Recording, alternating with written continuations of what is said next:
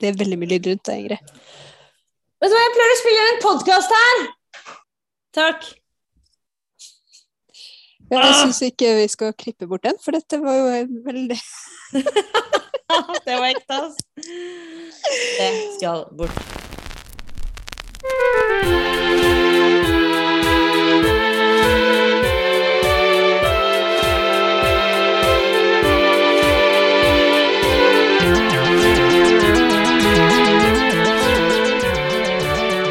Bergstø og Vrak, en podkast om arbeidsliv og hverdagsliv. Eh, Ingrid, Hei. hei! Godt å se deg i disse samme. krisetider. Ja, nå er det ja, Nå er det krise. Det er det. Det er i hvert fall krise for veldig mange. eh, Og veldig mange er jo eh, redd eh, for hvordan jula skal bli. Nå har jo skolene stengt ned i store deler av, av landet, i hvert fall der både du og jeg bor. Og forhåpentligvis betyr det at eh, det er jo færre lærere og voksne som jobber i, i skolen, må feire jul alene fordi de havner i karantene. Og det er så mye regler, og det er så mye forskrifter, og det er så mye endringer, og det er så mye Nakstad, og det er så mye Helse Norge.no, og det er liksom Det er, eh, Nakstad å fremstå som et problem? Nei, han, jo, han gjør jo sitt beste, men altså, det er liksom bare Nyhetene er så på repeat, og det er som å leve en sånn derre Ground Day, eller hva det heter, den filmen hvor alt bare skjer igjen og igjen. Og hvem skulle tro, liksom, hvor lenge dette skulle vare, og det gjentar seg og gjentar seg, og så kommer det Mm. nye regler hele tiden, og så prøver man å lese dem, eller mann, la meg snakke for meg selv, jeg prøver å lese dem, jeg skjønner ingenting, begynner å lese VG, det er litt mer forståelig, går tilbake til Else Norge, der står det noe annet, og så heldigvis VG og Dagbladet skrevet en litt mer forståelig tekst, og jeg blir gal, hvorfor er det ikke liksom tabloidjournalister som jobber i infoavdelingen til Else Norge? Åh, det er så så irriterende. Altså, jeg for min del har jo tenkt at noe av det beste som har hendt meg i høst, er jo at jeg har hatt korona, for å være helt ærlig. For det gjør jo at man ikke havner i karantene nå. Ehm, og, og kan på en måte ja, eh, slippe å sitte helt mutters alene på julaften. Altså, jeg vet at jeg ikke er koronaens største offer, altså, men jeg må jo si at eh, jeg får jo liksom en ny forståelse. Nå har jeg jo en sånn karantenesituasjon pga. smitte i min husstand, eh, og jeg begynner å tenke sånn Julian Assange har sittet i husarrest i Hvor mange år er det? Ti år, eller noe sånt? Jeg har ikke engang lekket noen dokumenter som avslører hykleriet til en stor stat.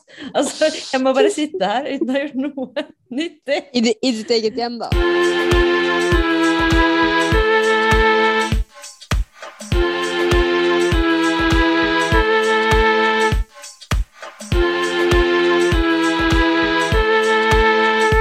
Og det viktigste nå, det er jo å sørge for ordninger som gjør at folk rett og slett beholder jobbene sine. Eh, og da er jo lønnsstøtteordninga noe som SV, fagbevegelsen og andre har jobba for, eh, og som er avgjørende for at man ikke skal gjenta eh, de samme feilene som har blitt gjort fra tidligere regjering når det gjelder kompensasjoner. Der vi så at penger for ut av landet, at det var de store som fikk mest, at det var urimelig for, for små arbeidsplasser, og ikke minst at det ikke ble stilt krav om at eh, ja, f.eks. folk ikke skulle miste jobben, eller eh, ut, eh, at ut, man ikke skulle ta, ta utbytte.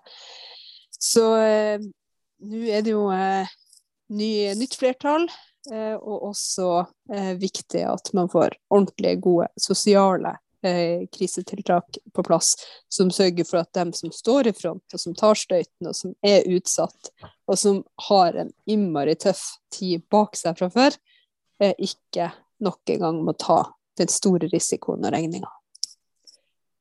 Ja, fordi det er jo det som var så på en måte Jeg vil jo si egentlig ganske fantastisk eh, og imponerende og bra eh, som skjedde da vi stengte ned Norge for første gang for snart eh, to år siden, var jo at vi liksom Fellesskapet stilte opp og, og skulle passe på at folk ikke skulle lide helt sånn unødig, da. Men, men det ble jo, som, som vi har snakket så mye om de siste tiden, at det ble jo en, en, en enorm forskjell eh, i, mm. altså en forskjellskrise også. Altså det ble en, en klassisk eh, forskjellsbehandling da, av den som har mye og den som har lite, hvor det ikke stilles noen krav til, eh, til de store ja, eh, kapitaleierne da, og investorene og, og bedriftseierne, mens, mens man, man, skal, man skal liksom måle hvermannsen med, med tommestokk. Men, men, da er jo dette med lønnstilskudd en, en ja, mer målrettet løsning, da. Mm. Eh, det er det, og en, eh, og en, løsning som gjør at man både kan beholde jobben eh, og samtidig uh, sørge for uh, for at man får den skoleringa, den faglige påfyllet, bedriftsinterne opplæring og kompetanseheving som er nødvendig på veldig mange arbeidsplasser. Enten man, man jobber på den ene eller andre plassen, så er det jo alltid eh, muligheter for å kunne styrke eh, kompetansen der man, der man er. Eh, og det er jo bra. Men det er jo ikke Det, liksom, det, her, det her, er jo en sånn eh, Det er så mange ting som kommer oppå hverandre nå. Eh, fordi eh, nå har vi jo den her koronasituasjonen som blir økonomisk, og selvfølgelig også mentalt uh, tøff for, for, og helsemessig tøff for, for, veldig mange. Med et et helsevesen som nesten står i, i knestående, eh, og som gjør det her nødvendig. Eh, men, eh, men, i tillegg så er det jo det enorme strømopprøret eh, som, eh, som, pågår, og som eh, setter en veldig sterk be bekymring i folk. Og det å ha sånne regninger hengende over seg som man ikke helt vet hvordan man skal håndtere, det er jo en ekstrem belastning. og vi hører jo får jo mange tilbakemeldinger fra både folk som er lite, og folk som egentlig klarer seg ganske greit, men ikke, ikke nødvendigvis vet hvordan man skal håndtere helt enorme regninger eh, fremover. Og, og, eh, og, alt fra familier som sliter, til eh, enslige pensjonister som kanskje bor i litt store, trekkfulle hus, eh, og som eh, eh, får har fått strømregninger på 9000. Det er jo ikke sånn at man har noe noe budsjett for det.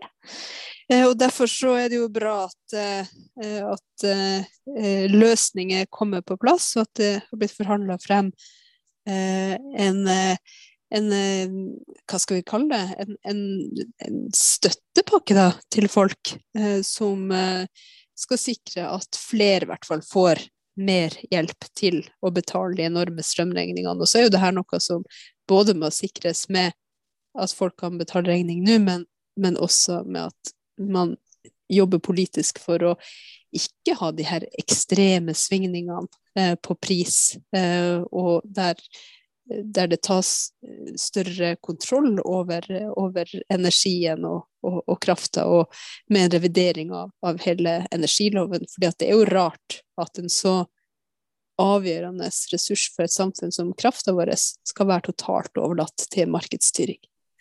Ja, det er jo grunnleggende infrastruktur, og det er jo et behov vi har, som luft og vann, vil jeg si. Og kjærlighet. Ja, strøm og kjærlighet.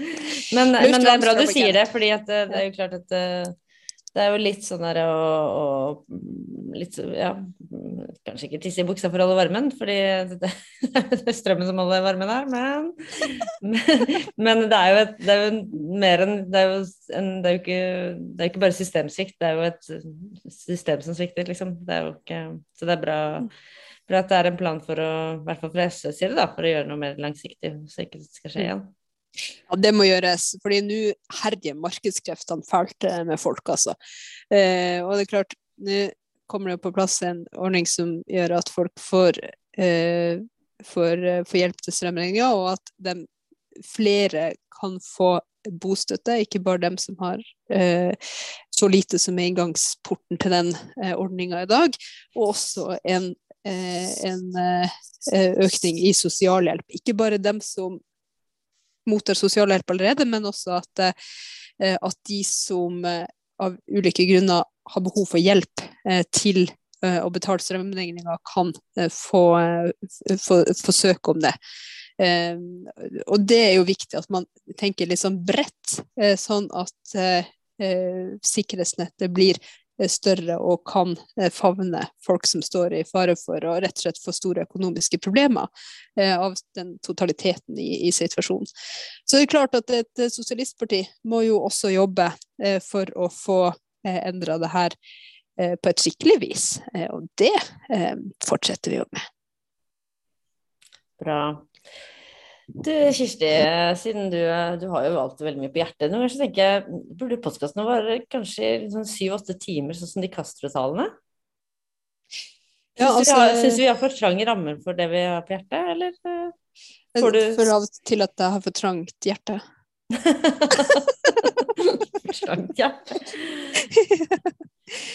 Ja, det er så mye. Det er så mye som mm. fylles eh, opp at det er jo ikke plass. Eh, ja, Så du tenker at vi rett og slett burde kanskje en sånn et døgn? Kanskje utvide litt. Nei da, men mm. folk kan jo bare sette på neste episode hvis de føler at de får for lite, men Ja, nei. Det er, men det er jo bra du, du har en, en, talerstol i nasjonalforsamlingen, så du får, får sagt fra om alt dette her, da. Mm, og enda bedre at vi har muligheten for, for flertall eh, for eh, eh, de, de, viktige grepene som gjøres, både når det gjelder eh, krisetiltak, når det gjelder eh, strøm, eh, og også når det gjelder utbygging av velferd og reversering av, av usosiale kutt. Og det er jo på mange måter det som har vært den politiske høstens store oppdrag, eh, det er jo de evige forhandlingene eh, om å få på plass eh, en mer offensiv politikk for omfordeling og, og, og miljø. For dette har jo vært en veldig begivenhetsrik høst, uten at vi skal liksom gå i detalj på, på, alt som har skjedd i høst. Så, så, er jo dette siste sending før jul. Så det er jo eh, en ting som, er, som jeg gjerne vil høre deg bare reflektere litt rundt nå, når du ser tilbake på høsten og du ser liksom bruddet på forhandlingene på Hurdal, eh, statsbudsjettet som ble forhandlet fram til flertall, eh, SVs posisjon etter, etter, etter, at ikke det ble eh, en rød-grønn regjering eh, à la forrige gang. Eh, var det riktig? Alt var riktig. Bra. Takk for svar. Men, altså, jeg tenker jo at eh, folk kan jo se sjøl eh, og tenke sjøl. Eh, men eh, det var jo ganske kjent hvorfor vi forlot Hurdalssjøen og sonderingene der før de gikk over til forhandlinger. Eh, og det var jo fordi at det var for dårlig på eh, omfordeling. Det var for dårlig på miljø, det var ingen vilje til å gjøre store grep når det gjelder profitt i velferden, eller, eh, eller liksom en reelt sett ny kurs. Og Så kom jo det forslag fra regjeringspartiene eh, til budsjett, og så kom, ble det et helt annet resultat etter at de hadde forhandla med SV over tid. Og det viser jo veldig tydelig at det er mulig å få til en mer radikal kurs. Det er mulig å få forhandla inn en politisk kurs som ikke eh, nødvendigvis eh, eh regjeringa sjøl har, eh, har, lagt linjene i. Og vi har jo fått på plass både arbeid for, for, å få profitten ut av velferden, få på plass arbeid for en ordentlig tannhelsereform, få på plass en, en, en SFO eh, som skal eh, bli, bli eh, billigere og, og, gratis, sånn at alle ungene kan få være med på leken. Og ikke minst veldig mange uh, usosiale kutt som har i sum uh, gjort at folk får mye mindre og bidrar til at uh, folk har et mye mer krevende liv når forskjellene øker og velferden svekkes. Eh, og da er det jo både politikken for de uføre, at det her kuttet i friinntekter som gjør at de som er uføre, men kan eh, jobbe litt, kan få fortsette med det. Eh, at barnetillegget for uføre kommer på plass. At mennesker som trenger å søke om sosialhjelp, skal få beholde barnetrygda fordi den har blitt trukket, trukket fra. At unger som trenger briller, skal, skal få det. og og selvfølgelig også at folk som har vært permittert arbeidsløs, skal eh, få feriepenger og ferie til neste år sammen med familien sin, eller dem, som de skulle ønske å, å tilbringe ferien med. Og det er jo noe som betyr noe for folk. Det er jo virkelig noe som merkes i hverdagen når eh, alt det der er borte, og når det er på plass. Og det gir jo også en stor mening å drive eh, politisk arbeid eh, og, og, drive frem forhandlinger fordi at eh, vi ser at en ny kurs er mulig eh, og høyst nødvendig. I tillegg til selvfølgelig den alvorlige situasjonen for, for klima og natur, som også har fått en, en positiv bevegelse etter at um, forhandlingene kom på plass. Så det er jo, jeg tipper jeg, jeg, vil jo tro at det er veldig eh, krevende egentlig å følge med eh, hva som skjer når, og hva som er vedtatt og ikke vedtatt og hvis man bare eh, kikker litt på nyhetene innimellom. Eh, men eh, hvis man tar seg kikke litt på før og etter, for å si det sånn, i, i budsjettene som ble lagt frem, altså forslaget fra, fra regjeringspartiene og det endelige resultatet etter budsjettavtalen, så er det en ganske markant forskjell som jeg er veldig stolt over, eh, og ikke minst glad for at har eh, kommet på plass. Men det er bra. Ingenting er bedre enn det. Du er stolt og glad. Nei, det er sant. Men du da, Ingrid? Nei, eh, jeg liker jo å sette ting i perspektiv, da. Eh, så jeg tenkte jeg skulle snakke om noe helt annet. Det er min, eh, det er min, det er min take, som de sier på podkasten jeg hører på fra Sverige. Jeg har en min take, eller hva de sier. Nei. Eh, jeg tenkte jeg skulle fortelle noe om noe som egentlig er en spoiler, men jeg vet at Eller jeg vet ikke, men jeg er ganske sikker på at faren min ikke hører på podkasten vår. Så jeg, kan si, så jeg kan si dette likevel. Jeg skal nemlig okay. røpe hva han skal få til jul. Ja, ok. Men la meg kontekstualisere litt først. Altså øh, Det er litt vanskelig å gjøre denne historien kort, men jeg prøver. Det pleier jo alltid å gå veldig bra. Det er derfor du nevnte det med Castro-tale i sted, for det, er bare... egentlig en tre timers historie? Mm. OK, det gleder jeg meg. Ja.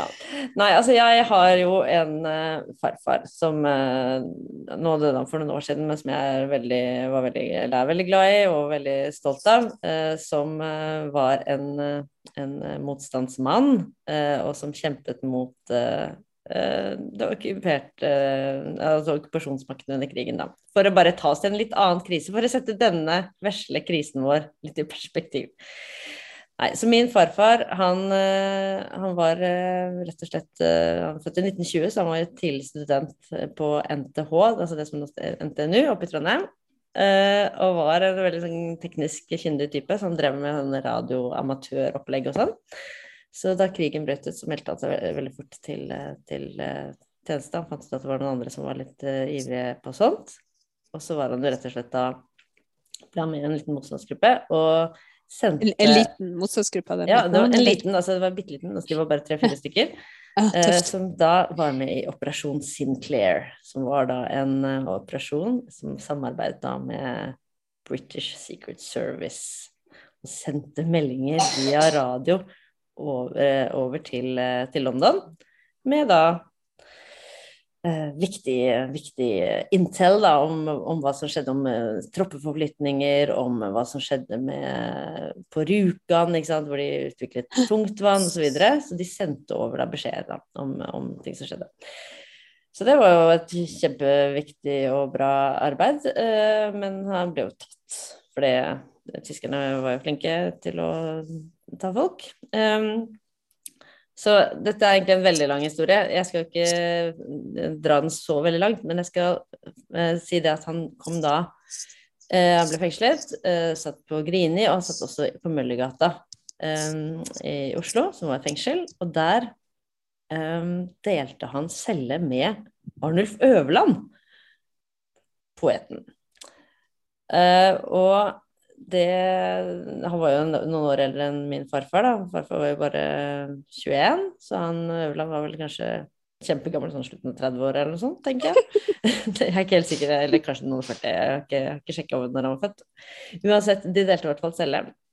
Og det her er jo en historie jeg har fått høre fra jeg var liten, ikke sant? fordi farfar fortalte jo ikke så mye om alle de grusomme tingene som skjedde, men han hadde noen sånne ja, artige historier da, fra krigen som, som, var på en måte ja, sikkert litt sånn ventil da, for å fortelle litt, men ikke det verste.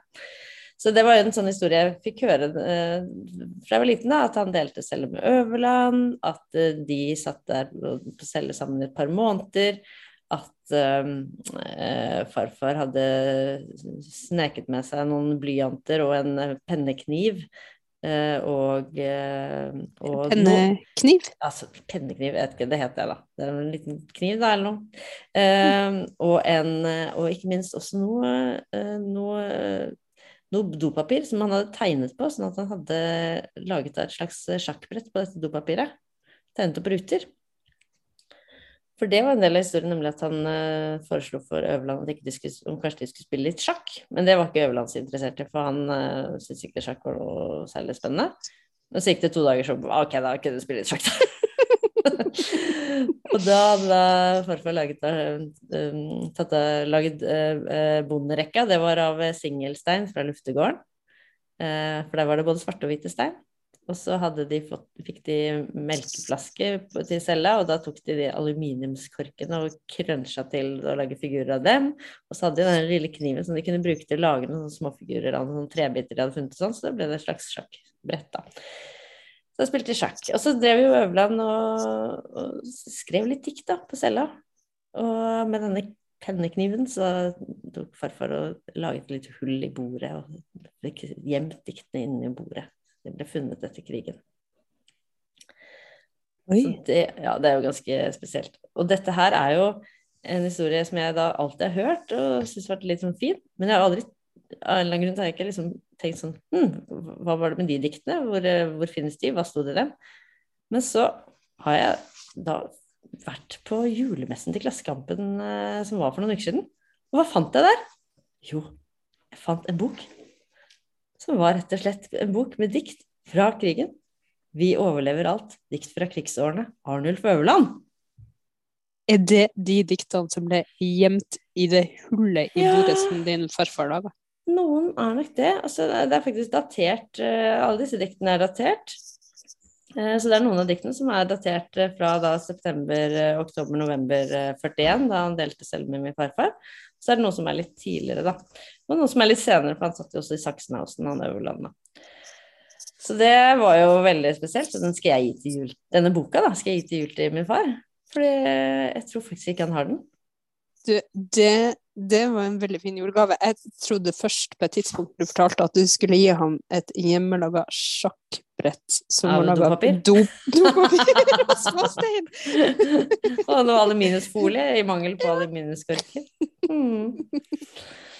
Altså, Men det... du, det var veldig fint. Har du lest den sjøl, eller? Har du fått, fått lest jeg har fått lest, jeg har fått lest litt i den, jeg har det. Og Vil du dele et? Tror du ikke det er et dikt her om sjakk? Nei, tror du? Jo, det er sant. Det er det. Så, men det er, du, veldig, det er veldig langt, og det er ikke, det, så, jeg, så jeg skal ikke lese det. Men jeg, jeg, har lyst til å lese et annet dikt. Ja, jeg bare tenkte, Nå har det jo nylig vært sånn sjakk-VM og sånt, vi snakker egentlig litt lite om sport eh, i denne podkasten. Men, eh, men, jeg skal ikke presse frem et veldig langt dikt om sjakk. Men nei, det, det, nei, det heter faktisk 'Sjakk med blindemann', og handler liksom om å spille sjakk med seg selv. Og det syns jeg er litt sånn usynliggjørende av min farfar, særlig siden det er skrevet før Altså, dette er en historie som Altså, min farfar vekket hans sjakkinteresse. Han skriver et sjakk om å spille sjakk uten en motstander. Altså, det, det, det, det går ikke. Så det, Av hensyn til familiens ære så skal jeg ikke lese det. Jeg skal heller lese et dikt som, eh, som er skrevet i 1938, og jeg syns at tekster som er skrevet sånn ja, f.eks. 1938, da. Det, det, blir, det, får en annen mm. uh, ja, gysende følelse, liksom. Fordi det er så, det er så han, Hva visste man da? Ingenting, ikke sant? Det, om ja. alt det som skulle komme. Så det og hvilke veivalg kunne man tatt da? Ikke sant? Ikke sant? Det, det, det, som nesten gir litt sånn frysninger å tenke på. Ja. Ja. Så det må folk huske når jeg da leser dette diktet, som heter 'Glade jul'. Mm. Stille natt, hellige natt. Far har statspolitiet tatt. Ingen vet hvor de kjørte ham hen. Ingen vet om han kommer igjen. Få på deg klærne fort, sa de og førte ham bort. Fred på jord, fryd på jord, vokt deg, barn, for din egen bror. Kysser han deg, er du kanskje solgt. Vinterhjelpen arbeider koldt. Ulvene ligner får, lønnlig iblant oss de går. Glade jul, hellige jul, junkers daler ned i skjul, hit de flyver med bomber og bål, Barcelona skal bade i stål, sov du urolige by, snart kommer flere fly.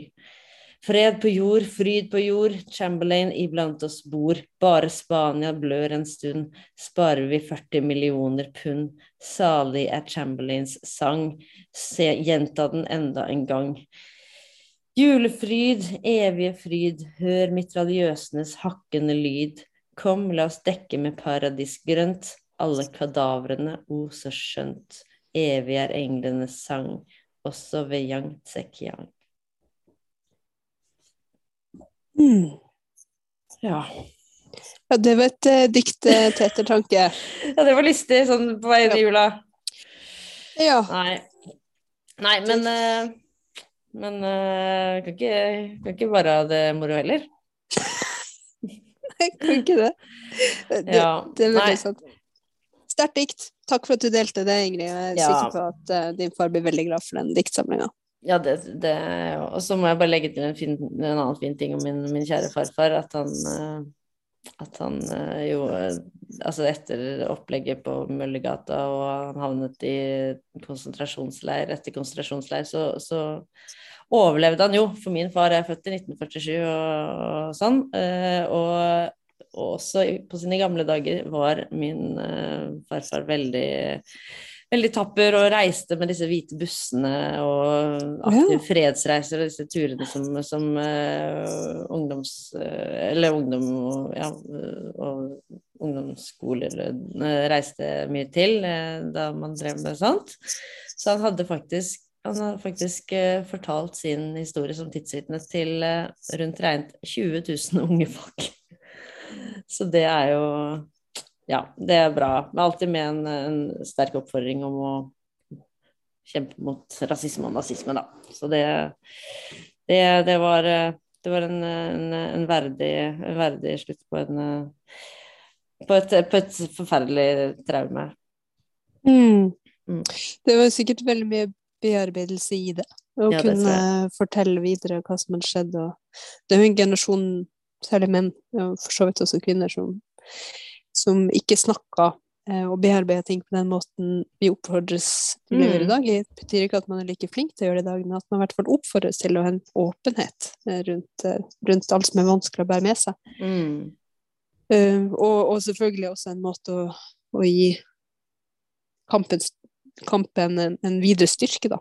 Mm. Min, min morfar var sånn motstandsmann. Han døde da jeg var så veldig liten, så vi fikk liksom aldri snakke om det, men det er en del historier som, som går videre. Og han eh, var i eh, over stor del av krigen i Sverige da, for at han måtte flykte, eh, og smugla vel sikkert det som var nødvendig eh, rundt omkring.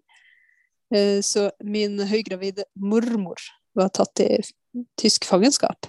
Um, og da, eh, eh, da de uh, Da hun fortalte om det, uh, så, så husker jeg også at en, en gang en ut av dagene så var de så greie å lot henne vaske opp.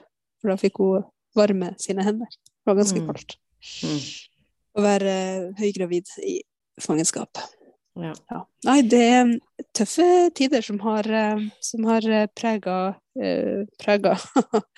eh, folk. En, en, jeg husker også hun fortalte at hun drakk, smakte på alkohol én gang i løpet av sitt liv, og da var tyskerne etter min bestefar. da. Og da hadde noen tilbudt henne et eller annet mens de drev og leita etter ham. Og for å på en måte spille med, så, så hadde det blitt tatt en, en slurk av det. Eh, det var, det aner jeg ikke. Men eh, det eh, får meg tilbake til min lille eh, trivielle koronaerfaring fra i høst. Eh, uten sammenligning for øvrig. Eh, men eh, i motsetning til min mormor, så har jeg smakt alkohol mer enn én en gang i mitt liv. Det skal jeg innrømme. Men jeg har bare opplevd én gang å ikke smake alkohol. Mm. Og det var da jeg hadde korona. Eh, Mm. fordi da tenkte jeg nå eh, suger eh, suger alt. Utrolig kjipt av korona. Eh, litt ferdig med feber. Og tenkte hva er liksom medisin eh, som virker? Jo, nei, men det er jo whisky. Eh, og da tenkte jeg når man er veldig syk, da må man liksom få seg et lite glass med whisky som medisin. Og jeg er veldig glad i sånn røkt whisky. Sånn ordentlig, ordentlig. Sånn, sånn liksom Sånn der eh, Ja, ordentlig røkt. Sånn at du kjenner lukta ute i rommet. Men det smakte ingenting. Det er helt vilt. Det, det, vet du hva? det kunne vært dårlig hjemmebrent. Oi, Det smakte ingenting. sprøtt. Og Derfor så tenker jeg at det å ha sånn korona som innebærer Nå er det jo veldig mye rare symptomer. Noen får sår i munnen, og noen kaster opp. Og, og selvfølgelig noen får bli ekstremt syke, og måtte, måtte folk holde seg friske. Men av alt som bare er litt kjipt, eh, så, og som kan unngås, så håper jeg at folk får smak på julematen, julegleden, julekakene. Og det gode som er rundt oss den ene tida i året, som eh, går så fort, men som gleder seg stort når vi får vært sammen med, med store og små, og, og forhåpentligvis eh, smakt på eh, alt det gode som er med. Er Skal vi ønske folk eh, god jul? Tror du det, Ingrid? Det syns jeg. God jul. Men du, god jul. Og takk for nå. Takk for det.